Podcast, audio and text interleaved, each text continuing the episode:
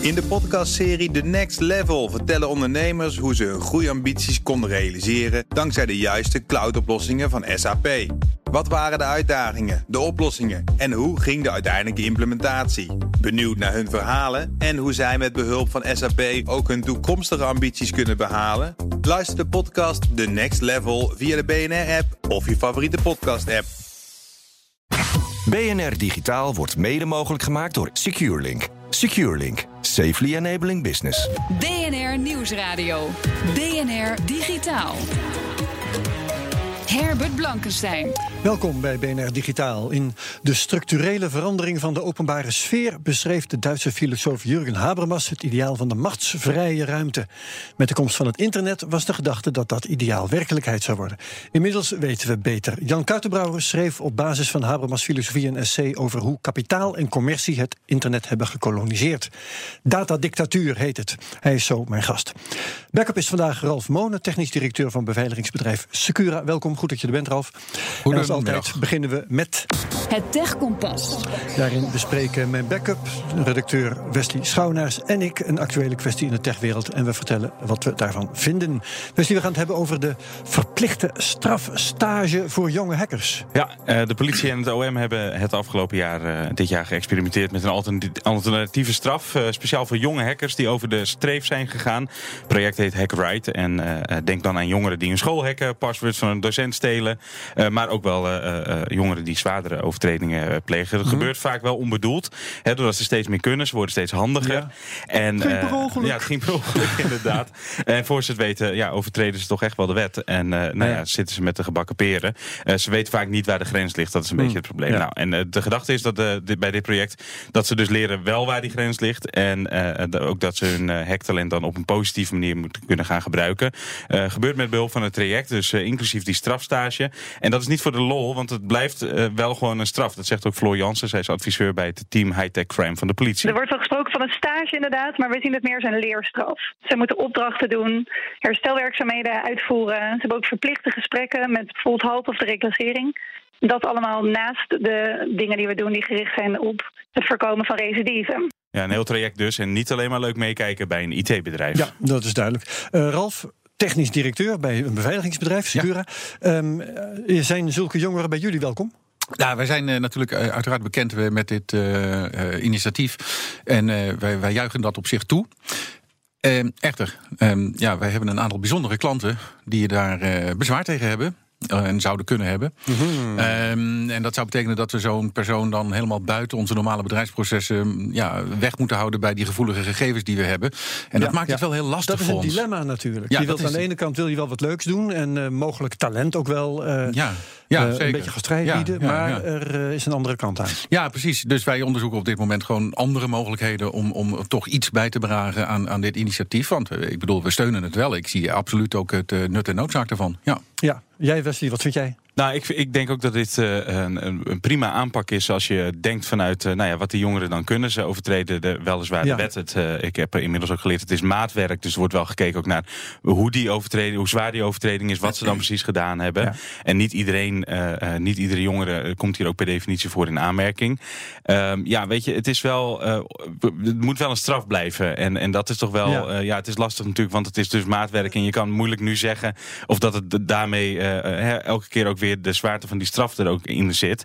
Ehm, Ja, maar, want, want eh, eh, het moet een straf blijven, blijven, dat zegt die mevrouw Floor Jansen van de politie ook. Maar Ja. aan de andere kant zou ik zeggen, als ik zo'n scholier was en je mocht een stage doen bij een IT-bedrijf, dat is een feest. Ja, dat zou je inderdaad zeggen. Nou ja, goed, de politie zegt zelf ook van nou, dat valt wel mee. Eh, bovendien, als ze je huis binnenkomen vallen en eh, hè, ze staan daar met een dagvaarding en ze nemen al je spullen mee en je wordt ook meegenomen naar het bureau, dat is op zich al eh, niet leuk. Eh, bovendien. Ja. Maar goed, dat is dan al gebeurd. Dat, dat gebeurt is- toch wel. Dat gebeurt toch wel inderdaad. Eh, Een, een deel van de jongeren zou overigens ook wel een strafblad blad kunnen krijgen, afhankelijk van de overtreding die ze doen. Dan vraag ik me wel af, ja, Ja. kom je daarna nog aan de bak bij een beveiligingsbedrijf? Kijk ook even naar Ralf. Ja. Volgens mij niet, maar nee, goed. Nee, nee, nee. Kijk, Met een je- bij niet. ons- Nee, Nee, want je moet, een, eh, je moet een VOG geven, eh, hebben strafstage, te- is dat een, levert dat een strafblad op of is dat nou net iets subtieler? Dat zul je toch aan een jurist moeten vragen, dat weet ik niet. En, en heb jij eh, dusdanig ervaring met, met zulke types eh, dat je weet of ze een bezoek aan een IT-bedrijf ook echt een feest vinden of, of komen ze daar met eh, de staart tussen de benen? Nou, dat, dat, dat kan ik moeilijk eh, zeggen. Ik denk dat Ja. het voor sommigen inderdaad wel, ja, misschien geen feest, maar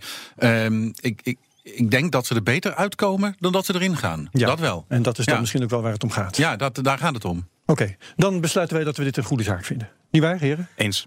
Oké, bedankt. BNR Nieuwsradio. BNR Digitaal. Met de komst van het internet verwachten velen in de verleden tijd, dubbel T, verwachten velen dat er een nieuwe publieke, publieke ruimte zou ontstaan, open en vrij van macht. Tegenwoordig weten we beter en lijkt het internet vooral in handen van grote bedrijven die er de baas zijn. Journalist en schrijver Jan Kuitenbrouwer schreef een essay over hoe kapitaal en commercie het internet hebben gekaapt. Datadictatuur. Jan, welkom. Ja, dank je. Ehm, het is onderdeel van een serie, filosofische pamfletreeks Nieuw Licht. En jouw opdracht Ja. was om Habermas, de filosoof Habermas, Ja. los te laten op het Ja. internet. Dat had ik weer. Ja. Leg eens uit. Wat, Nou ja, eh, Habermas is dat? natuurlijk een van de belangrijkste de, eh, naoorlogse filosofen. Maar hij is ook een beetje uit de mode en hij schrijft ongelooflijk moeilijk. Mhm. Dus ehm, dat, is geen, dat is nog een hele klus Ja. om hem te Je deed doorgronden. het niet vrijwillig. Nou ja, nee, ik stui, ik, het was mijn idee. Want ik stuitte Oh, toch op een gegeven moment op hem. Omdat hij heel relevant is voor, voor, voor die discussie. Vanwege dat idee van die publieke ruimte. Ja, En, en omdat, hij, omdat hij ook wel een visionair was. Want hij, hij zag dit in 1962 eigenlijk allemaal al aankomen. Ja. Hoe kon hij dat zien als hij het internet zelf niet kon zien Nou, aankomen? had dat het, is vrij sterk. Nee, dat klopt. Maar hij had het niet over het internet. Maar hij had het over dat mechanisme waarbij eh, politiek en kapitaal eh, de media, de, de, de machtsvrije publieke ruimte koloniseren. Dat zag hij dat al. heeft hij voorzien aankomen. Dat ja, zag ja. hij in de gewone media. Dus hij zag Ja. hoe de televisie, het kapitalisme, enfin de, de, de, de wereld, eh, hoe heet dat, de, de, de, de nieuwsindustrie. Dus dan hadden wij, jij en ik, eigenlijk gewoon in 1995 Habermas beter moeten lezen. nou, en, Dan hadden we niet van die illusies gehad. sommige van die, in, in zekere zin, maar in, sommige internetpioniers beriepen zich op Habermas. Omdat ze zeiden, nou kijk, dit is een herkansing. Ja, ja, ja, van de Habermasiaanse machtsvrije publieke ruimte. Want nu is er geen kapitalisme, nu is er geen politiek. Nu zi- zijn we zelf de baas en nu maken wij met elkaar, gewone mensen, een egalitair, open en democratisch communicatiemedium. Ja, Even mijn oor te luisteren leggen bij Ralf. Eh, Had jij in eh, 1994, 95 dat soort illusies? Van hier komt nou eindelijk die publieke ruimte waar boze krachten geen eh, invloed hebben? Ja, ik, ik herken die gedachte wel. Ja, Hm. ja, ja zeker. Ik, ehm, zeker in die periode en ook in de jaren daarvoor was internet eh, nog niet eh, doorgedrongen tot de grote massa. En, Ja. en degenen die er zaten, eh, ja, dat, dat waren wel vrije geesten en pioniers. En we hadden Ja. echt wel het idee toen dat dat van ons was. Ja. De, de schrik was ook groot toen we de eerste in, reclames op tv zagen voor ISP's. Dat was Nou zo ja, van, wat? de eerste Huh? banners op internet. Ja, nou ja, dat, is dat was inderdaad een, een, een kantelpunt. Dat beschrijf ik ook in eh, Datadictatuur. Het moment dat eh, op ehm, Wired, als ik me goed herinner. Nee, het was niet Wired, maar. Nou, Nou ja, op zo'n op zo'n begin jaren negentig tech-platform, zo'n Ja. portal, de eerste advertenties verschenen. Ja, ja, misschien was het Ja, Yahoo wel. ja, ja, nee, dat klopt. Het zou goed kunnen. Maar hoe dan ook, eh, ehm, eh, we worden nu genudged en eh gesurveilleerd en noem al die dingen maar op. Ja, en hoe is geprofiled. dat dan? Ja, precies. Continu. Hoe is dat allemaal gekomen? Nou ja, dus, dus eh, eh, sluipenderwijs, eh, omdat eh, het internet zo groot werd en zo populair. En dat werd aangedreven, dat is ook iets wat ik beschrijf in het boek. Dat werd aangedreven door bijvoorbeeld zoiets als eh, de piraterij. Ehm, en eh, eigenlijk dus het, het, koop, het, het, het auteursrecht werd in feite verbeurd verklaard door de eerste hackers al. Want juist dat waren dus die vrije geesten Ja. die zeiden: het auteur- auteursrecht is een uitvinding van het kapitalisme. Dus daar doen wij niet aan. En. Eh, eh, maar dat betekende dus wel dat eh, de grote encyclopedieën werden leeggeroofd. En zo Ja. ontstond Wikipedia. en toen dacht het groot kapitaal, dat zullen we nog wel eens zien. Ja, en, Ja. Toen, kwam, en toen kwam Napster, en toen kwam, toen kwam de Pirate Bay... en toen werd dus de, de breedbandrevolutie. Dus toen werd het internet eigenlijk met geroofde content... eh, de, de penetratie werd eh, voortgedreven. Ik maak de vergelijking met hoe de VHS-band in, eh, in de markt werd gezet Ja. in de jaren tachtig. namelijk door, het was een, een, een Aziatische uitvinding, een Aziatische norm. De VHS-systeem. En, en die eh plemte die, die, die, hoe heet dat, die, die, dat, dat distributiekanaal helemaal vol met porno. Nou, en daar, daarom heeft de VHS het uiteindelijk gewonnen van het technisch superieure Video 2000 systeem. en jij Want- zegt, zo heeft want het internet het ook gered. En zekere zin heeft het internet het op die manier ook gedaan. Dus, dus, dus daardoor is het internet toen heel erg groot en populair geworden. Maar toen moest er content komen. En ja, dat, dat, eh, dat, die is dus voor een belangrijk deel uit piraterij enzovoort voortgekomen. En vervolgens eh, vormde zich dus reclame. Publieken. En vervolgens ontstond er een reclame-industrie. En vervolgens begon het geld te rollen in Silicon Valley. En ja, nou, de rest is geschiedenis eigenlijk. Ja, maar ehm, die publieke ruimte, dat valt dus allemaal een beetje tegen. Eh, aan de andere kant, je kunt toch best anoniem blijven en dus eh, eh, in vrijheid communiceren als je dat wilt. Een fake, dat is onderdeel van het probleem trouwens ook weer, maar een fake account op Ja. Facebook of Twitter is zo gemaakt. Nee, dat is waar. En, maar, maar dat is inderdaad een, een, een tweesnijdend zwaard. Dat is, dat is een heel lastige kwestie. Dat is, anonimiteit is in zekere zin het eh, deel van het DNA van het internet. Hè. Dat is een hele. Die keuze is al heel vroeg gemaakt, heel bewust. En die had te maken met een bepaald soort. Ja, eh, die hackersethiek van wij zijn hier eigenlijk in een eigen land bezig, in een eigen universum. En, en, en onze wereldse identiteit, die laten we achter. en alleen de- feitelijke verdiensten telt. ja, en eigenlijk ook, je kunt ook zeggen meritocratie. Precies. Ehm, en, eh, dus, dus dat is het mooie eraan. Maar tegelijkertijd eh, heeft het ook ontzettend veel problemen gebracht. Want je kunt dus in bijvoorbeeld eh, trollenfabrieken, om maar eens iets te noemen, die zouden niet kunnen bestaan zonder die anonimiteitscultuur van het internet. Ehm, dus het is, eh, ik heb er ook vaak discussie over. Dit is een van de punten uit het boek waar toch ook op bijvoorbeeld aan de linkerkant niet, veel, niet veel steun voor is. Omdat men dat, die anonimiteit nog wel steeds ziet als een echte verworvenheid. En ook bijvoorbeeld de mogelijkheid, nou stel je werkt bij een bedrijf waar iets, iets niet deugt, dan ben kun je dus de klokken luiden. En da, dat, dankzij internetanonimiteit is dat makkelijker geworden. Is er nog een weg terug van deze ellende en kan het internet toch nog die open en publieke ruimte worden waar veel mensen op hoopten? Zo direct praten we daarover verder. BNR Nieuwsradio. BNR Digitaal. Welkom terug. Mijn gast is journalist en schrijver Jan Kuitenbrouwer. En mijn backup is Ralf Monen ehm, van eh, beveiligingsbedrijf Secura. Ralf, jij vertelde net een verhaal over eh, jou. Want ik zei, het is heel makkelijk om eh, fake accounts te maken. Het is zowel een probleem als een oplossing. Jij hebt dat geprobeerd. Je had dat Ja. nodig. Vertel. Ja, want kijk, ik heb mijn Facebook-account een, een tijd geleden verwijderd en allemaal gegevens weg laten gooien. Maar mijn hele sociale leven heeft daar wel een, een deuk van gehad. Want heel veel groepen en ook clubs waar ik lid van Ja. ben, die hebben gezegd van wij hebben geen website meer, we gaan alles op Facebook groepen doen. Dus daar kan ik dan niet bij. Dus, Reality check. ja, precies. Dus ik moet een Facebook-account hebben, kennelijk, eh, om te kunnen functioneren in deze maatschappij. Ehm, Had je dus- niet gedacht, hè? Nee, nee, nee, nee, nee. In 1995 dacht ik daar anders over. Maar dus ik heb het geprobeerd. En ik werd na, eh, na, na, nou, na drie kwartier werd ik weer afgegooid. Ehm, Want ze hadden door dat jij Ja. bezig was met een fake account. ja, dat klopt. Ja, ja, ja, ja, ja. Hoe hadden En- ze dat door? Nou ja, eh, waarschijnlijk omdat ik dus een aantal eh, spammerige gedrag eh, heb vertoond. eh, door alleen maar lid te worden van groepen en niet eerst vrienden te maken. Oh, je was gewoon niet slim genoeg. Ja, de- inmiddels wel. Het is Hè, en- toen om vrienden te maken. Ja, ja, ja, ja, ja. En, en toen vroegen ze van, dan moet je een foto uploaden van jezelf. Dat komt niet op je profiel te staan. En hebben ze waarschijnlijk gezichtsherkenningsalgoritmes Om overheen alsnog te gedraaid. bewijzen dat je Dat- was ja, wie je zei precies. dat je was. Ja, Ja. En dat hebben ze waarschijnlijk gewoon gematcht met andere foto's op internet van mij. En hun gezichtsherkenningsalgoritmes en alle andere dingen. En toen was ik weer afgegooid. Het is inmiddels gelukt om het wel goed voor elkaar te krijgen. door mooi onder de radar te vliegen. Maar ze luisteren, hè? Pas op. Ja, maar, Nou goed, dat zien we Ja, straks we zien wel. Ja, komen we Ja, later op Na terug, de denk ik. uitzending ga ik het checken of ik nog lid ben. eh, daar. Jan Kuitenbrouwer, eh, het internet is dus niet meer die mooie publieke ruimte. Hoe krijgen we dat terug? Ja, dat wordt een heel lang eh, proces, een lange strijd. Het is in Is het 25 überhaupt jaar. mogelijk? Nou, ja, dat is de vraag hoor, of het nog mogelijk is. Want Ja. die bedrijven zijn natuurlijk ongelooflijk groot en machtig geworden. En de gangbare monopolie en mededingings- en, en anti-kartelwetgeving, die is niet op zijn van toepassing. Dus dat is al. Dat en zou- zelfs als dat wel zo zou zijn, probeer maar eens een monopolist eh, terug te fluiten. Dat kost je tien jaar. Ja, nou, dat, dat is dus in de tijd met Standard Oil heeft Rockefeller of eh, heeft eh, Roosevelt dat gedaan. Ja. Nou ja, Microsoft, Google. Ja, en later, dat is de laatste, hè, de, de, de, de Microsoft-schikking in de jaren negentig was de laatste grote.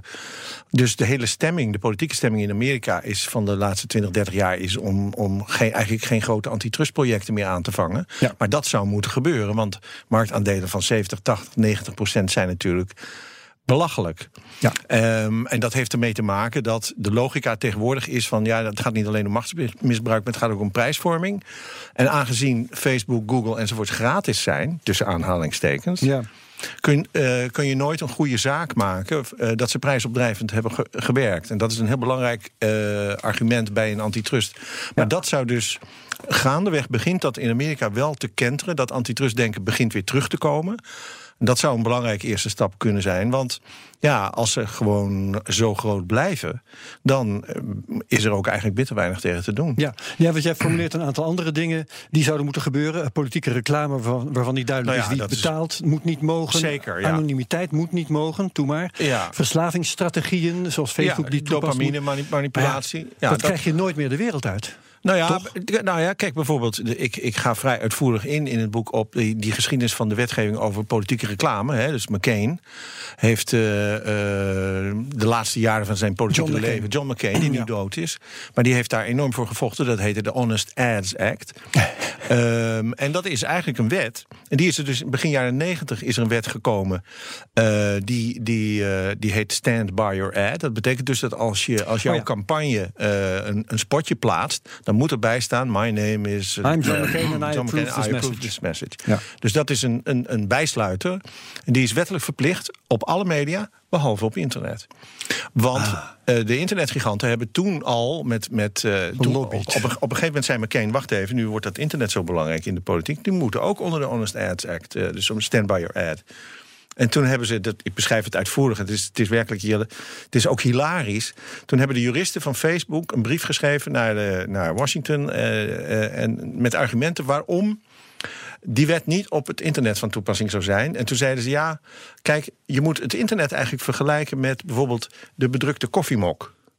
Eh, en de bedrukte ballpoint of het t-shirt. Of sterker nog, skywriting. Dus dat zijn die vliegtuigjes die Aha. tekst aan de hemel schrijven. Dat zijn allemaal eh, media die een hele beperkte ruimte hebben... en maar een hele beperkte capaciteit qua lettertekens. En dat geldt voor ons ook. Oh ja. Daar- ja, en daarom, en daarom zijn ze uitgezonderd. Dus nog steeds geldt nagaan, Stand By Your. Ad niet voor... En daar hebben we het Cambridge Analytica-schandaal aan te danken. Want daar, zo is eigenlijk de politieke dark post ontstaan. Dus dat je, in, dat je bepaalde delen van het electoraat kunt bestoken... met verkapte propagandaboodschappen... waarvan je de afzender niet hoeft te identificeren. Ik ga even naar Ralf. Kunnen wij het internet nog terugnemen? Nou ja, eh, technologisch zijn er natuurlijk wel een aantal dingen die, die, die eh, eh, de, de, de vrije uitwisseling van informatie eh, en, en ook anonimiteit bevorderen. Ik hoorde jou net zeggen, Jan, dat je, dat je tegen anonimiteit op internet bent. Ik ben daar zelf juist een groot voorstander van. Hè, want eh, ook klokkenluiders bijvoorbeeld zullen toch hun ding moeten kunnen doen. En in bepaalde landen is het gewoon ze- absoluut noodzakelijk dat je anoniem op internet gaat communiceren. Bij omdat je anders een in boek staat toch ook dat eh, een bepaalde mate van anonimiteit zeker ook mogelijk blijft, hè? Jawel, maar ik vind het argument van de klokkenluider nooit zo goed. Want die, de, de, de blanco manila envelop in de, in de brievenbus van een krantenredactie... Die, dat heeft altijd bestaan. En waarom zou dat niet online moeten kunnen dan? Nou nee, omdat als, dat als dat middel bestaat... Dan, dan is het niet zo'n goed argument om te zeggen dat, dat, dat, je, Nodig dat, je, is. dat je daarom online anonimiteit... Ik denk, als mensen werkelijk een echt een hele belangrijke boodschap hebben aan de wereld... over een misstand of iets dergelijks... dan vinden ze altijd wel een weg om die anoniem eh, te ventileren. We zullen het hierbij moeten laten. Hartelijk dank, journalist en schrijver Jan Brouwer. Dankjewel. Nieuwsradio. Herbert Blankenstein. Gamen voor de televisie kan erg leuk zijn. Zet je een VR-bril op, dan wordt de gameervaring al een stuk interessanter. Maar wat als je met behulp van een pak ook dingen kunt voelen? Dat kan met de Tesla Suit. En dat heeft niks te maken met de Tesla van Elon Musk. CNET probeerde het pak uit en Wesley Schouwenaars bekeek het verslag. I'll show on the camera Okay. what, what check device. You're gonna stop myself in the face. You're probably wondering why I'm trying to hit myself in the face. Trust me, I'm not doing it on purpose. I'm wearing a completely wireless, full body haptic suit called Tesla Suit. Waar het bij Tesla Suit om gaat is gevoel. Het pak is zo ontworpen dat je over je hele lichaam geprikkeld wordt. Daardoor zie je niet alleen wat je doet in die virtuele omgeving, je voelt het ook. It's actually a two piece suit that uses electrostimulation systems to create sensations on the skin or cause muscle contractions, like when I hold my arm out and it comes flying back towards me involuntarily. Oh, See, we can we can actually manipulate the muscles. I didn't do that. Het gaat dus om het stimuleren van je zenuwen en van je spieren met behulp van stroomschokjes. Oh, this is a fan. Oh, wow. So you I, feel that? I put my arm out and it feels like it's getting the sensation from the fan. Wow. And I can kind of see my virtual arm too. Yeah, so it's not super strong. Het pak geeft je dus niet letterlijk een opdonder, al kan het wel zo voelen. Okay, hard front kick. Here goes nothing. Oh, okay. it it, uh, it wasn't that hard, but I did feel it right here. Hard explosion. Oh, do I really want to try? Yes, I do. I just did that to myself. What is wrong with me? Het pak is nog niet beschikbaar voor consumenten. Maar een paar grote bedrijven zien het wel zitten. The company is working with B2B gaming and production houses like Sony Pictures Television.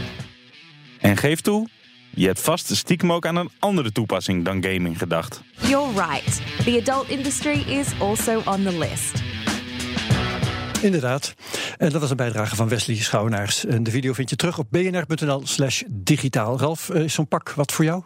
Nou, eh, mijn vrouw heeft er eentje. Weliswaar niet voor, niet voor gamen, maar een EMS, een Electromuscle Stimulation pak voor, eh, voor trainen in de sportschool. Dus dan krijg je Aha. weerstand op je spieren. Dan kan je heel veel sneller trainen. Dat bestaat dus al langer dan, dat, eh, ja, dan wij dat, dachten. dat bestaat al een paar jaar. Ja. Geweldig. Dankjewel, Ralf Monen, technisch directeur van beveiligingsbedrijf Secura, was vandaag mijn backup. En tot zover BNR Digitaal. We horen graag wat je van ons programma vindt. Vragen, klachten, complimenten kunnen naar digitaal.bnr.nl of naar BNR Tech op Twitter. BNR Digitaal terugluisteren kan via de site, de app, via iTunes en Spotify. Dat is dat. Heel graag tot volgende week, dan zijn we er weer. Dag. In de podcastserie The Next Level vertellen ondernemers hoe ze hun groeiambities konden realiseren dankzij de juiste cloudoplossingen van SAP. Wat waren de uitdagingen, de oplossingen en hoe ging de uiteindelijke implementatie? Benieuwd naar hun verhalen en hoe zij met behulp van SAP ook hun toekomstige ambities kunnen behalen? Luister de podcast The Next Level via de BNR-app of je favoriete podcast-app.